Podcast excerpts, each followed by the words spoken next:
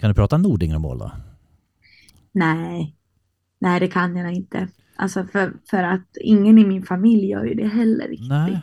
När Oskar går kom psalmboka fram. Ja, just det. Psalmboka. Psalmboka. Jag skulle, ja. jag skulle kanske på, på låtsas. Ja. För, förr, förr i världen så gjorde nej jag kan, alltså det blir Nej. bara som att jag ska försöka härma det liksom. Vi skippar det. Ja. Ja.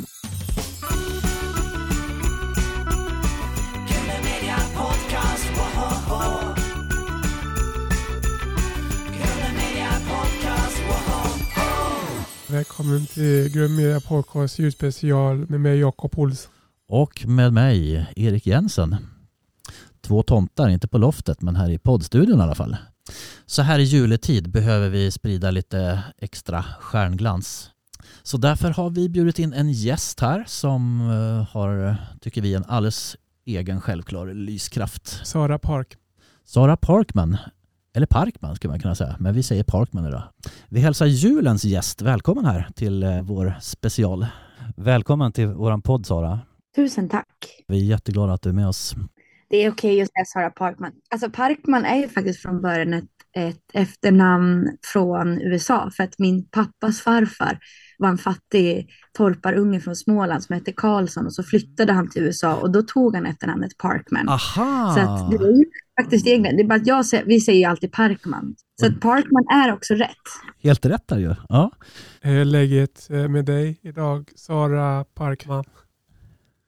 Det, det är bra. Jag har min sista arbetsvecka innan jul så att jag har jag gjorde sista konserten förra veckan i Lund och Köpenhamn. Mm. Och så nu den här veckan är det lite så samla ihop kvitton och skicka någon faktura och ja. städa lite mitt rum innan jag åker norröver för att fira jul. Bokslutskänslan, eller vad man ska säga. Exakt. Och norrut här då, det har vi konstaterat innan vi startade rec-knappen här. Det är Ångermanland, Ja, Höga precis. Kusten. Ja. Så det är där, där du kommer att fira jul då? Mm. Och har alltid gjort, eller nära på? Ja, men i stort sett. Mina föräldrar, eller nej det är inte sant. Förra året var jag i Berlin och firade jul. Mm. Och sen ett några år bodde mina föräldrar och jobbade utomlands i Schweiz. Så då firade jag jul där. Mm. Eh, men, men oftast har det varit Ångermanland. Omne då, det är ju eh, fina trakter där uppe. Ja, det är det. Det är mycket berg och hav, så man har utsikt nästan överallt där man är. Jag var bästa med Höga Kusten. Det bästa med Höga Kusten är ju att det är väldigt vackert. Att man i Nordingrå som är en socken där så finns, då brukar man säga att det finns 50 berg, 50 byar och 50 sjöar. Ja. Så det finns väldigt många berg att kunna gå upp på och kolla på utsikten och då är det vackert. Och sen, men det är fint att man, när man kommer från en plats, att man har historia och farfar är uppvuxen i Nora som är strax söder om Nordingrå. Ja. Så han, ja, det finns liksom många generationers berättelser på något sätt. Eller Mm. många, men några generationers i alla fall. Eh, Vill du presentera dig själv och podcast? Ja.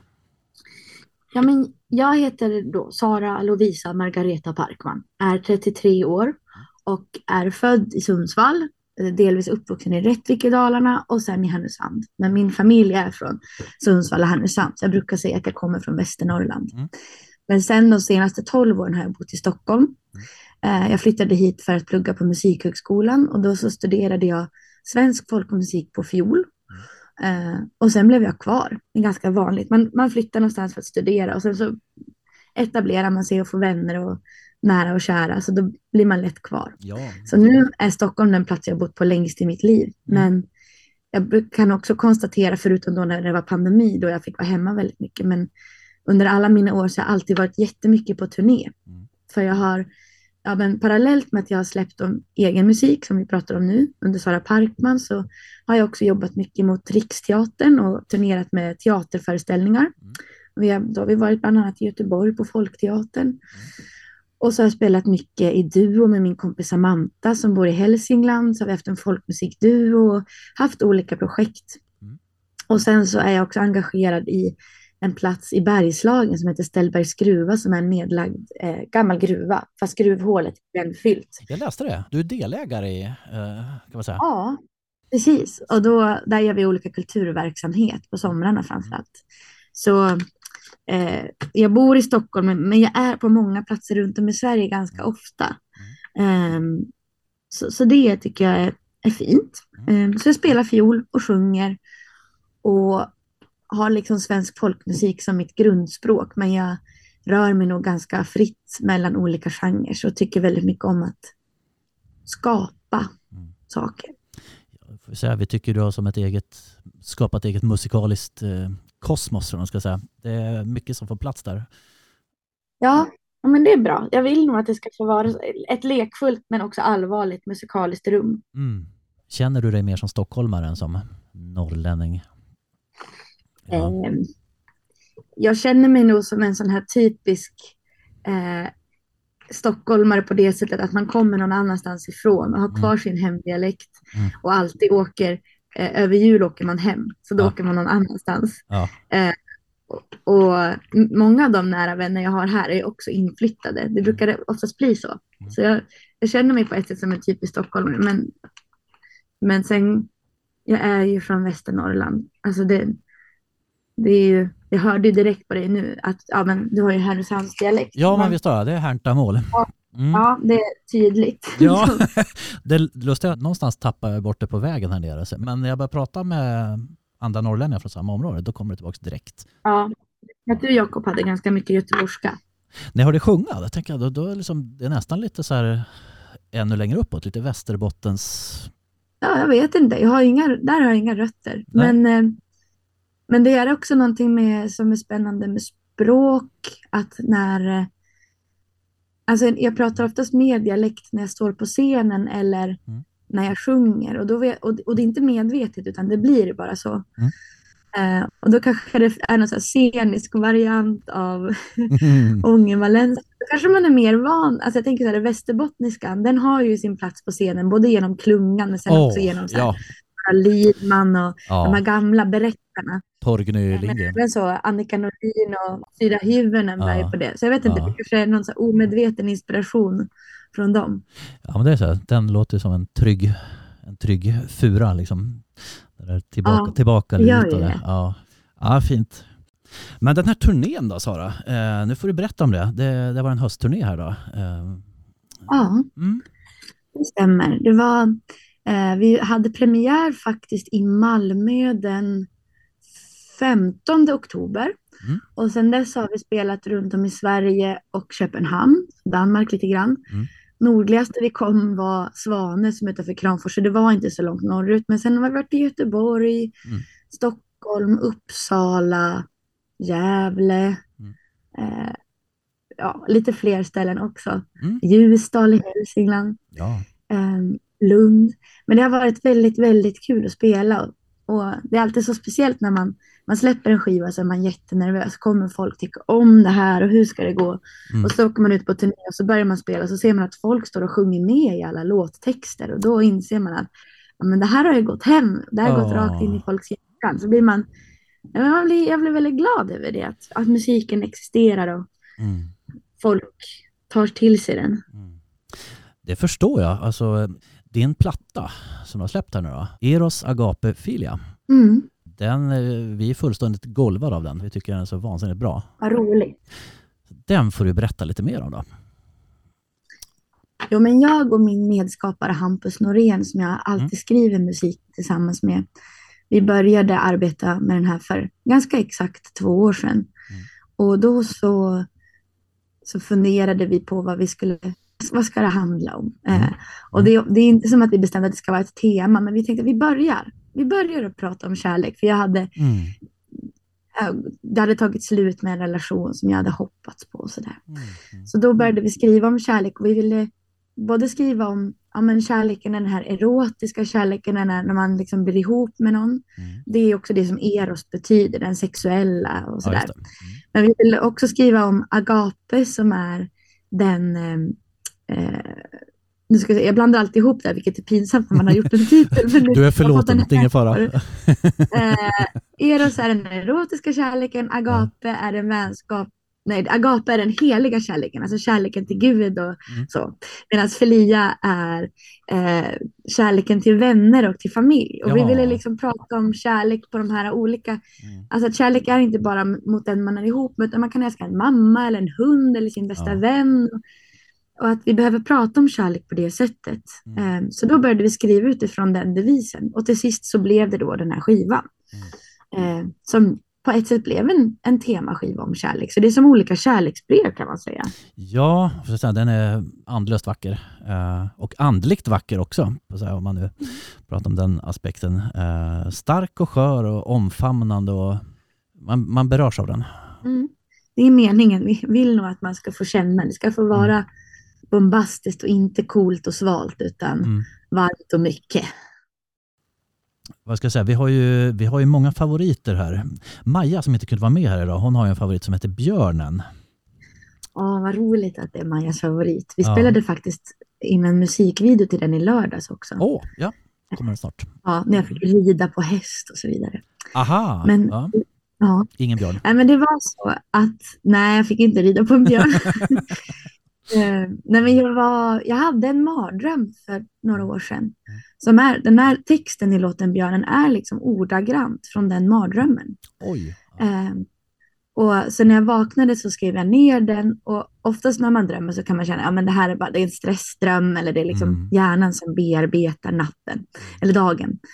Eh, men den här tyckte jag ville berätta någonting annat och jag visste inte riktigt vad, vad den ville säga. Mm. Så, så den var väldigt obehaglig. Mm. Men sen efter ett tag när jag hade bollat den med vänner och så, så insåg jag att den här björnen som kommer in i, i texten nämner jag ett kapell och det var det kapell jag växte upp som barn. Så det var en väldigt viktig plats tror jag som barn. Mm. Så symbolen var i det här viktiga rummet som barn så kommer in någonting hotfullt som vill skada mig. Och först så tänkte jag att det här var ju något väldigt hotfullt. Mm. Men sen började jag vända på det och inse att kanske den där björnen var jag själv som kom in eller Ja, att jag borde ta, ta emot den istället och vara snäll mot den. Att Mm. björnen kanske är jag. Mm. För i, i drömmen som faktiskt inte kommer med i låten så dödar jag björnen. Ehm, och att jag inte klarar av att tycka om mig själv. Så då så bestämde jag och Hampus att det skulle få bli en låt med det här omkvädet. Mm. Låt mig tycka om mig själv Mm. för ett slag. Mm. Typ så är texten. Ehm, som en liten... För det kan ju vara väldigt svårt. Ja. Det, är ju, det är ju lätt att tycka om andra men mycket svårare att tycka om sig själv. Mm. Absolut. och det behöver man öva sig på tror jag. Och jag är, är jättedålig på det. Så då fick den här, den här mardrömmen blev till sist en dröm som blev ganska fin. Och, ja, och då tänkte jag att jag ville dela med mig av det. Ja, jättefint. Är du en självtvivlare så, som rensar via texterna så att säga för att bearbeta det? Jag är jättemycket en självtvivlare. jag tycker det är en ganska jobbig process att skapa. Alltså först tycker jag att det är väldigt roligt att man så plupp, plupp, plupp, pluppar ur sig idéer. Mm. Sen ganska direkt så bara usch vad dåligt det här är. Det här låter inte bra. Eller vilken fånig text då. Mm. Men sen är jag, jag är väl envis och tänker att jag måste ändå fortsätta. Mm. För jag tycker någonstans det är kul. Men, men det, är, det är en kamp faktiskt.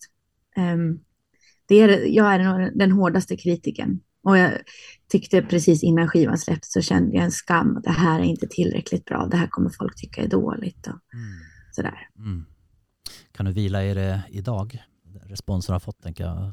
Ja, på ett ytligt plan kanske. Så här, Jo, men folk tycker det är bra. Mm. Mm. Men, men jag lyssnar inte på skivan och det gör jag inte för att jag inte är nöjd, utan jag gör det aldrig faktiskt med saker jag har gjort. Mm. Ehm, jag tycker det blir för, jag, jag hör saker som jag kanske skulle vilja ändra och så blir det någonting. Det är lite som om att läsa sin egna dagbok när man har precis skrivit den eller att eh, jag vet inte hur mycket ni lyssnar på era poddar själva. Ehm, jag säga- tycker om att spela musiken live. Då tycker jag att det är väldigt kul. Mm. Eh, Så det är väl ett bra tecken. Mm. På ett plan också bra. Att man inte, det gör att man inte stagnerar heller. Man är hela tiden på väg vidare någonstans. Liksom. Ja, men jag tror att det är en gyllene mellan, mellanväg. För har man för Mm. mycket prestationsångest då är det ju risken att det inte blir någonting. Mm. Eh, så den här gamla berättelsen om en skräddare som ska sy och så till, till sist blir det bara en tumme kvar. Just det. Mm. Så man, någonstans måste man också säga att nu är det klart, nu får det här duga. Mm. Och sen så, men om man har åt andra hållet, att man tycker allt man gör är genialiskt och briljant, då blir det ju inte heller så bra.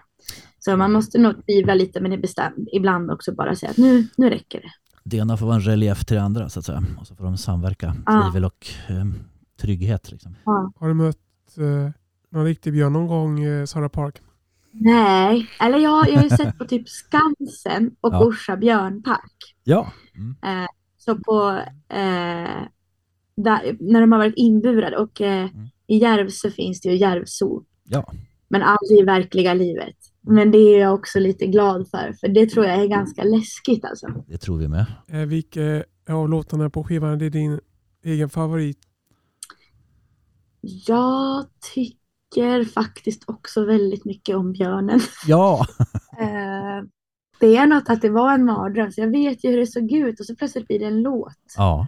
Och att man kan så här, visualisera att från en, en dröm jag haft så plötsligt så finns den i, i riktiga världen. Och, ehm, när vi spelade in den här musikvideon i lördags, som ju inte är släppt än, så var det så otroligt vackert snöfall och så var det en stor lampa som var på. Ah. Och då såg det så magiskt ut när det snöade i skogen. Och då var det som Ja. att jag tänkte att så här, vill, så här, skulle det, så här såg det ut. Liksom. Ehm, men sen är den låten som heter Till Salka är väldigt rolig att spela live, för den blir så ösig. Mm. Eh, jag har nog ganska många favoritlåtar, men jag, är det Björnen är nog ändå som direkt kommer till mig. Hur var det att göra duett med Markus Krunegård, eh, Sara Park? Det var väldigt fint. Vi träffades när vi spelade in ehm, när vi spelade in eh, På spåret i Göteborg förra hösten så var han Ja. en av gästerna. Och du var husband, ska jag säga. Precis. Och då så, ja men det var väldigt roligt. Eh, han var, det var som att hänga med någon, en, en gammal klasskompis, eller det känns som att man, vi delade väldigt mycket. Så när den här låten som heter Mörkgröna älven som Marcus är med på, när vi hade skrivit den så insåg jag att ja, men, det här skulle vara fint som en duett. Och då kändes han ganska självklar att fråga för att vi hade, vi hade hängt och ja, det kändes roligt att testa att göra något med honom. Så då kom han till våran ateljé som ligger här i Stockholm och så skrev han den versen här sjunger på så Mm. jobbade vi fram. Mm. Det var väldigt, ja men det var en, en kompisrolig grej att göra. Mm. Det hörs. Ni klaffar bra där i den låten tycker jag. Det är Ja, kul. Ja. Han har också intervjuat Jakob. Han var laid men back han är- liksom. Ja, Rolig och klok och lite knäpp. det får man, Ja. det får man gärna vara. Ja. Uh, Mörkgröna älven, är det möjligen Ångermanälven då tänker jag? Eller? Det är faktiskt inte det. Det är, inte Det är i Bergslagen. Det är Bergslagen, Mm. ja. Mm. Den är inte så mörk, Ångermanälven tycker jag inte är så mörkgrön för den är så bred. Ja. Ehm, men det här är en ganska liten älv. Ja. Den heter Mittälven. Nittälven, mm. är det nära Mm. gruvtrakterna där? Ja, precis. Så måste jag säga, en annan favorit jag har på skivan, Mammakroppar. Ja. Kärleksfullt och Mm. fin hyllning till din mammas kropp. Eller till mammors kroppar kan man säga. Ja, Men, eh, din ja, egen mammas i synnerhet. Ja. Vad sa din mamma när hon hörde text? Alltså, hon sa inte så mycket. Jag tror att hon blev lite överväldigad. Ja. Att det blev lite för mycket för henne. Ja. att, ehm, alltså hon, hon är en, väldigt kärleksfull person som kan säga, men vilken, åh vilken god soppa du har gjort, eller åh vad fint du har fått där hemma. Eller, Ja. Hon är bra på komplimanger. Mm. Men, men det här var nog liksom lite för mycket att ta in. Så hon var så här, tycker du, ja, det hon sa tror jag var så här, Mm. ja så du, så du, du tycker jag är fin när jag badar? Ja, jaha. Ja. Istället, och att det var liksom, Ja. ja, som det kan vara när man får någonting ganska stort, att man liksom inte så här, oj, vad ska, jag, vad ska jag säga om det här liksom? Mm. Vilka musiker är med på skiva? Det är jättemånga musiker som är med på skivan. Ja. Ehm, faktiskt på omslaget så står alla nämnda. Ehm, ja, men ska, det är, ska jag läsa alla namn? Nej, det behöver inte. Men några. Du nämnde ju Hampus Norén till exempel. Ja, men Eh, precis. och, han, eh, han har ju varit med och skrivit och allt och är med Ja. och spelar också. Ja. Sen är det Anders Norudde, Anna Möller, Willa Alin, Juan Romero, Mm. eh, Brenda El Reyes, Selen Ösan, Katarina Henrysson, Xenia Kris, Fanny Rapp, Hans Berg, Ylva Holmdahl, Elina Ryd, Markus Krunegård, Maja Bäckman, Vilma Flod, Kajsa Magnusson. Ja, det är många. här är hela färgpaletten här ju. Vi hade, vi hade ju ganska, det är ganska mycket kör som är med. Det är därför det också det blir så många människor. Ja, Många med som körsångare. det är otroligt vackra arr. Ja, vad kul. Du blandar mellan det här, det här susande skogarna och eh, så plötsligt är man inne i det här kapellet. Och så är det tramporgel med psalmsång. Vad heter den låten nu då? Som... Johan Ljusen kanske? Neonljusen, precis. Eh, väldigt snyggt gjort tycker jag. Ja, Eh, vad fint. Du släppte din första soloskiva 2016, Sara Parkmans Skog. Eh, Mm. Om du jämför den med den här Eros Agape då, eh, hur har Sara Parkman utvecklats under de här åren? Den som släpptes 2016 var, dels var det nog ett, en, ett, första, ett första försök att göra någonting själv och Mm.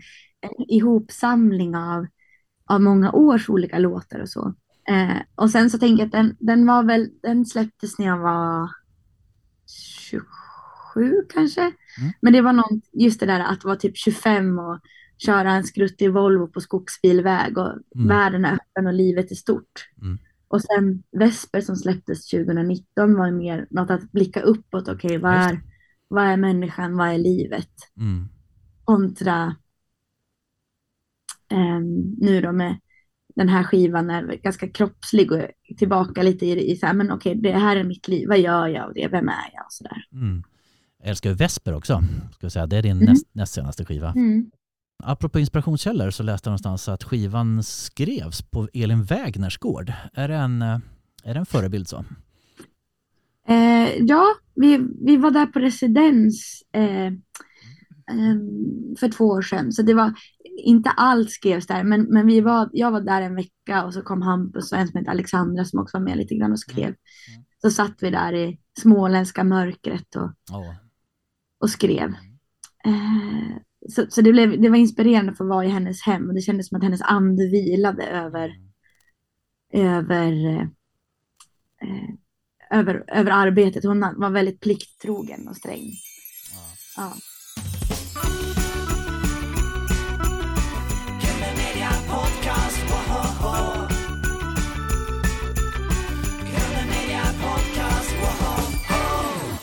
Ja, Det är så mycket vi kan hylla här, men din fantastiska röst. Vem är din, var, hit, var du hittar din inspiration inom sång?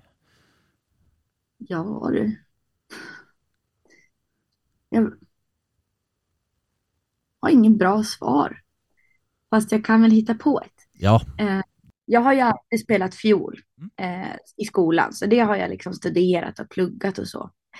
Eh, men jag har alltid sjungit parallellt och sjungit väldigt mycket i kör och eh, ja, men från en familj där vi har sjungit mycket tillsammans och sen musikestet i Härnösand hade vi jättemycket kör. Jag tror vi hade kör två gånger i veckan i stort sett. Margareta Sandbloms insats ska inte förringas, höll säga. Nej, Ja.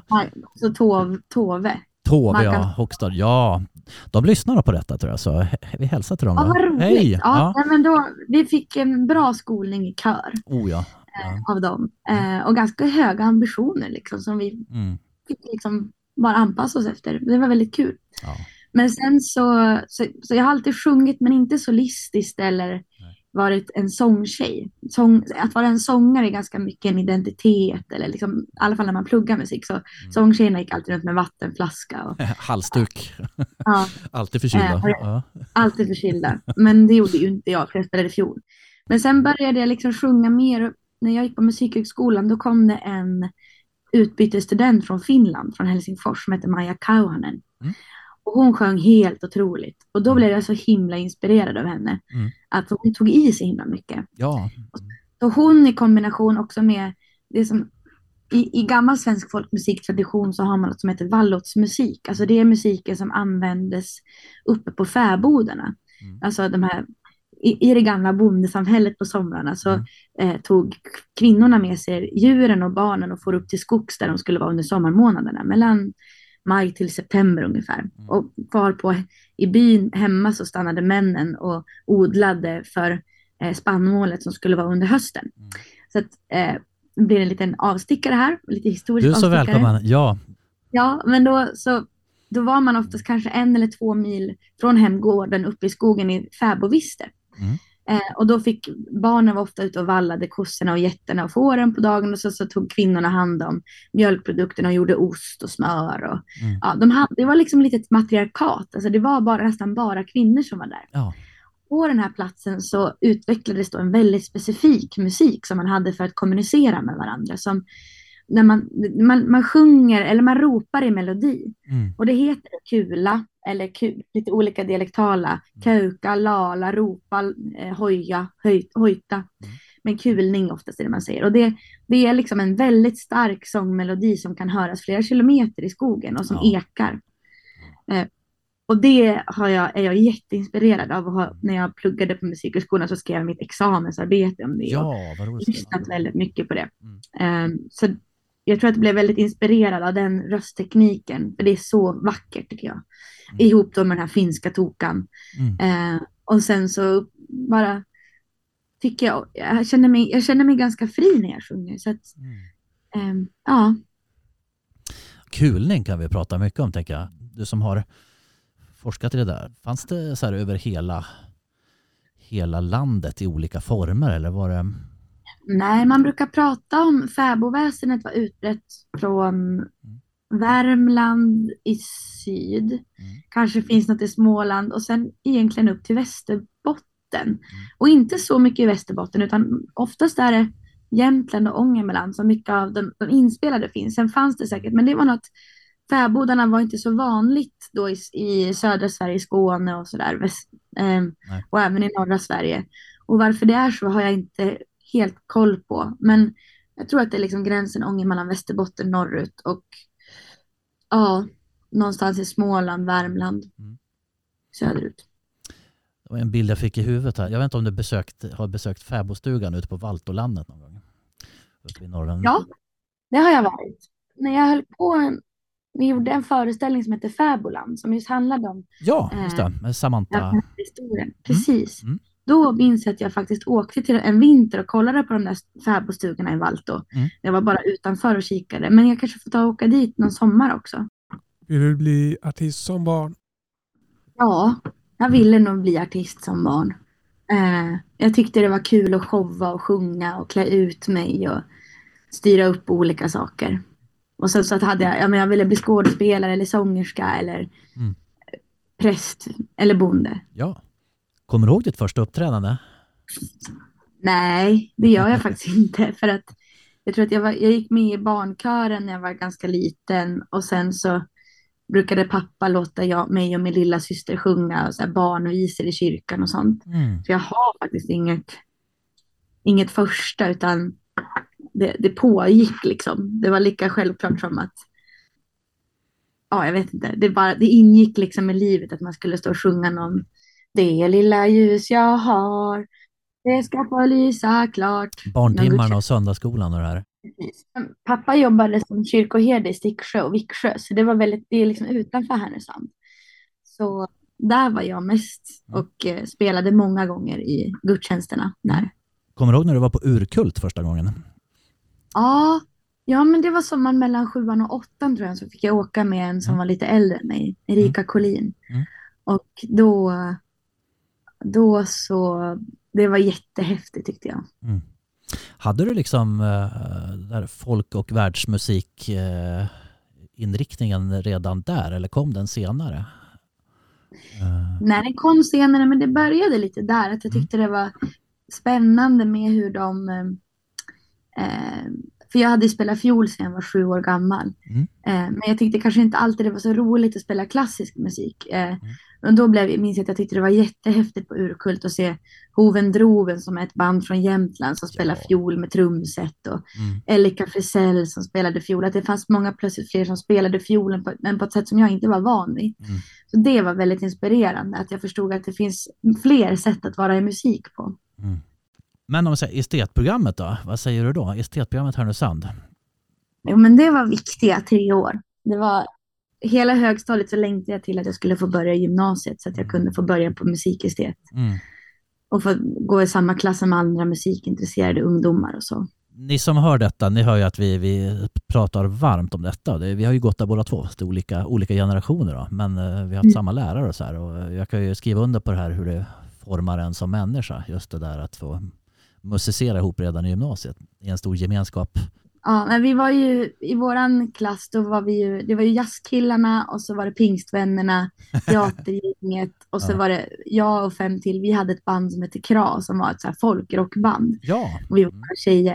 Mm. Så vi hade ganska mycket rivalitet. Vi tävlade ganska mycket mot varandra. ah, okej. Mm. Eh, men vi umgicks också jättemycket. Och Så det fanns också fler, det var inte bara de här grupperingarna. Men det, det som är fint är att det är ganska många som faktiskt har fortsatt att vara musiker Ja. Efteråt. Var ni med Musik Direkt också? Jajamän. Ja, Och då var det flera band från klassen, så då blev det ju faktiskt rivalitet. så har det alltid varit. Så när finalen kommer på Hulstagård i So- Sollefteå, då är jag så här 80% det är band från musiklinjen Härnösand. Så var det i alla fall på vår tid. Eh, Ja, det var nog lite så också. Ja. Det var det, lite mer uppblandat var det, men jag minns att Ja. Ett år så vann vi länsfinalen. Ja. Och det var en, en god måndag att komma tillbaka och titta på killarna som hade ställt upp med sitt fusionband. Vi vann. Hur gick det tycker ni? Ja. Ja, det var så. Verkligen tävlingsgäng. ja, men det är någonting. Killar och fusion. Eh, Ja. Hur många instrument kan du spela? Jag kan spela fiol och sen kan jag spela lite piano Mm. och lite gitarr. Mm. Ja, det är väl och sjunga då.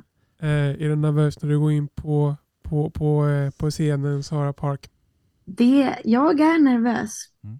Jag tycker det är ganska jobbigt innan. Mm. Jag blir lite illamående. Mm. Jag... Eh, det är en kraftansträngning som det krävs faktiskt. Vi pratar ju om det kyrkliga. Mm. Vad har det betytt för dig och ditt skapande? Det har betytt mycket för att ehm, ja, men i kyrkan så använder man ju musiken väldigt mycket som en funktion. Att Mm. man sjunger för att man ska skapa gemenskap i församlingen och det ska bli lite roligt och livat och sådär. Mm. Så jag är ju uppvuxen med väldigt mycket musik under min uppväxt genom kyrkan. var med i olika körer men också Mm. att jag fick spela och Mm. det var olika workshops. Det var liksom musik från Sydafrika och det var musik från Nicaragua och det var musik från Storbritannien och det var liksom Mm. Det kom väldigt mycket olika typer av musik genom kyrkan. Så det var en ganska bra grund, en ganska bra grundutbildning i musik. Ja, visst. Och sen så, ja men att på något sätt musiken kan vara helig, man kan uppnå andra känslor genom musiken än som man man kan göra med ordets kraft och sådär. Och det var en, en god erfarenhet att få. Mm, mm. I den låten Neonljusen där som du nämnde, då, där sjunger du att här kan jag få vila ut. Är kyrkan också en plats där eh, du kan finna den här friden? Liksom? Jag går inte så ofta i kyrkan Nej, nej. faktiskt. Och så jag, jag, kan, jag saknar det lite. Jag önskar att jag kunde göra det oftare. Mm. Men eh, absolut så är kyrkan en sån plats. Mm.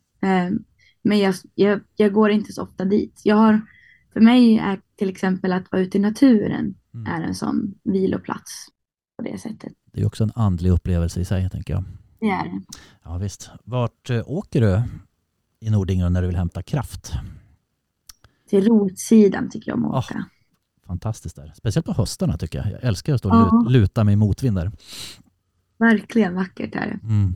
När blir du senast st- starstruck? Bra fråga. Mm. Eh, jo, för två veckor sedan så spelade jag på en poesifestival på Dramaten. Mm.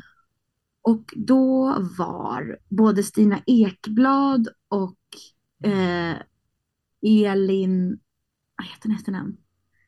Hon spelade förstinnan i Glasblåsarens barn. Elin Klinga. Elin Klinga, precis. Då blev jag, för El, jag älskade den filmen som barn, så då var Ja. jag tvungen att bara, tack, tack så mycket. Mm. Och sen Stina Ekblad blev jag också starstruck. Hon är ju så dramatisk skådespelerska. Och vi väntade i logen och jag och Hampus hade varit ute och sprungit och satt och var lite svettiga och kalla. Och så kom hon in och så kände vi bara, Mm. Och hon bara skred in i rummet Ja. med en vacker jacka. Ja. Och eh, vi skämdes för att vi satt och var så fula så vi bara kröp iväg och kände att vi var inte värdiga hennes eh, blick. Men det, ni kommunicerar lite i alla fall. Ja, det, det Ja, lilla var det. ja, jag vågade ja. faktiskt inte riktigt prata med henne. Hur var det att sjunga duett med Monica Mac? Det var roligt. Det var lite samma som med Marcus, att vi först träffades och, och blev kompisar. Eh, och sen så skrev vi den där låten ganska mycket på, på skoj, som sen blev en låt. Mm. Men Monica Mac, hon heter ju Lisa egentligen, är en jättegod vän till mig. Mm. Ehm, så det var, vi hade det väldigt roligt och det är väldigt roligt att sjunga den live också. Det är som att vi triggar igång varandra Ja, på olika sätt. hon är fantastisk. Ja, Mm. ja men och hon, hon är en pangperson. Hon borde ni intervjua. Ja, vi har funderat på det faktiskt. Det kanske blir Ja. något för våren här då. Du får lobba lite för oss här nu då. Det ska jag Om göra. träffar henne. Eh, Hur var det husman i På spåret? det var väldigt roligt det också. Jag upprepar mig själv. Nej, men Det det, var, det, var som, det var så välordnat allting och vi fick så himla god mat och det var så, alla som jobbade med programmet var så himla trevliga och Mm. eh, det är faktiskt en från Nordingrå där som är ljudtekniker. Ja, Peter Sjölund. Precis. Jajamän. Äh. Ja. Så, nej men det var, och sen var det läskigt för att eh, jag kände stort ansvar att det skulle bli bra, så vi hade repat och jobbat mycket inför det där. Mm. Ehm, men det var, det var väldigt spännande och sen när det sändes tyckte jag att det var lite läskigt för då tycker folk massa saker när det är på tv. Både att så här, det här är det bästa vi sett men någon annan tyckte att det var det värsta de hade sett. Och, ja. nej, men det, men det, var, men det, det var ändå väldigt roligt. Mm. Vad hände med i vår? Då blir det lång turné. Ja. Eh, ja, Mm. så det var ju inte så mycket. Vi hade ju bara kanske nio stopp nu under hösten, men i Mm. vår blir det Mm. dryga 20 stopp från Mm. verkligen Kiruna i norr till Helsingborg är väl det sydligaste eller Mm. ja, Malmö. Så blir det Göteborg och Härnösand och Umeå och Mm.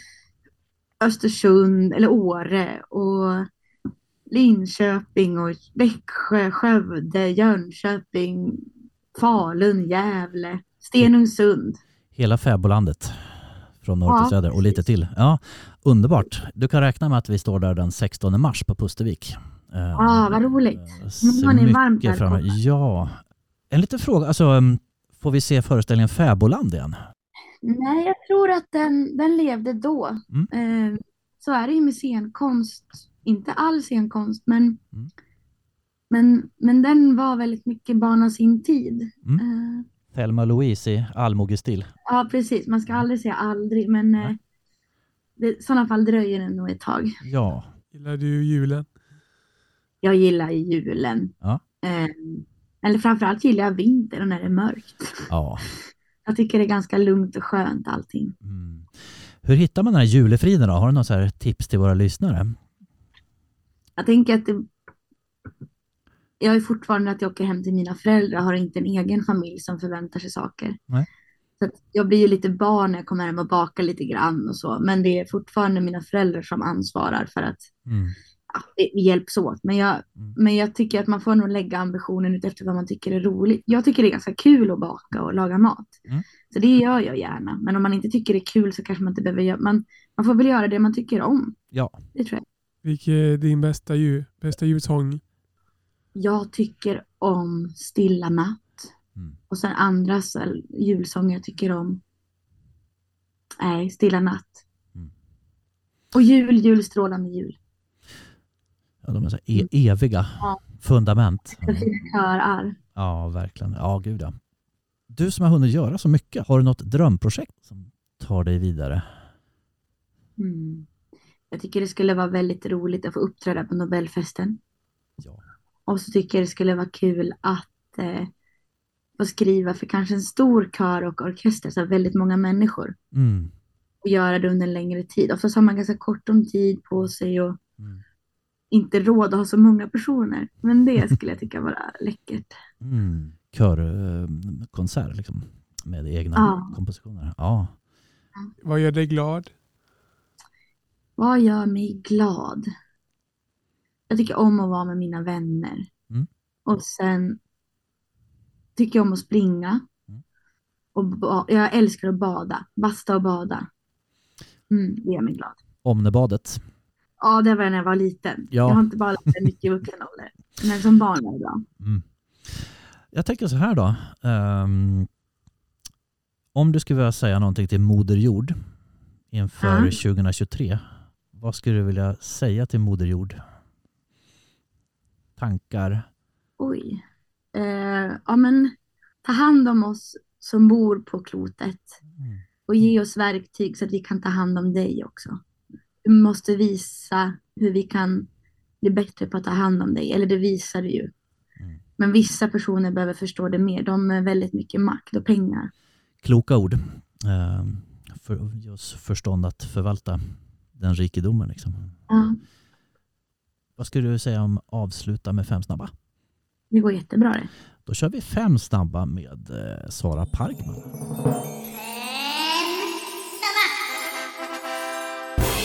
Eh, kaffe eller te? te. Jag älskar te. Ja, musikgymnasiedrycken liksom. Man satt vaken på nätterna. Ja, men det är liksom livets dryck. Ja, det är det. Earl Grey med honung och mjölk. Jajamän. Oh, senast igår drack jag det och utropade. Åh, vad gott det är. Café Mannaminne eller Rutiga duken? Det här är alltså för er lyssnare en intern fråga. Café Mannaminne är ett ställe i Lidingö och Rutiga duken är ett legendariskt café i Härnösand. Ja.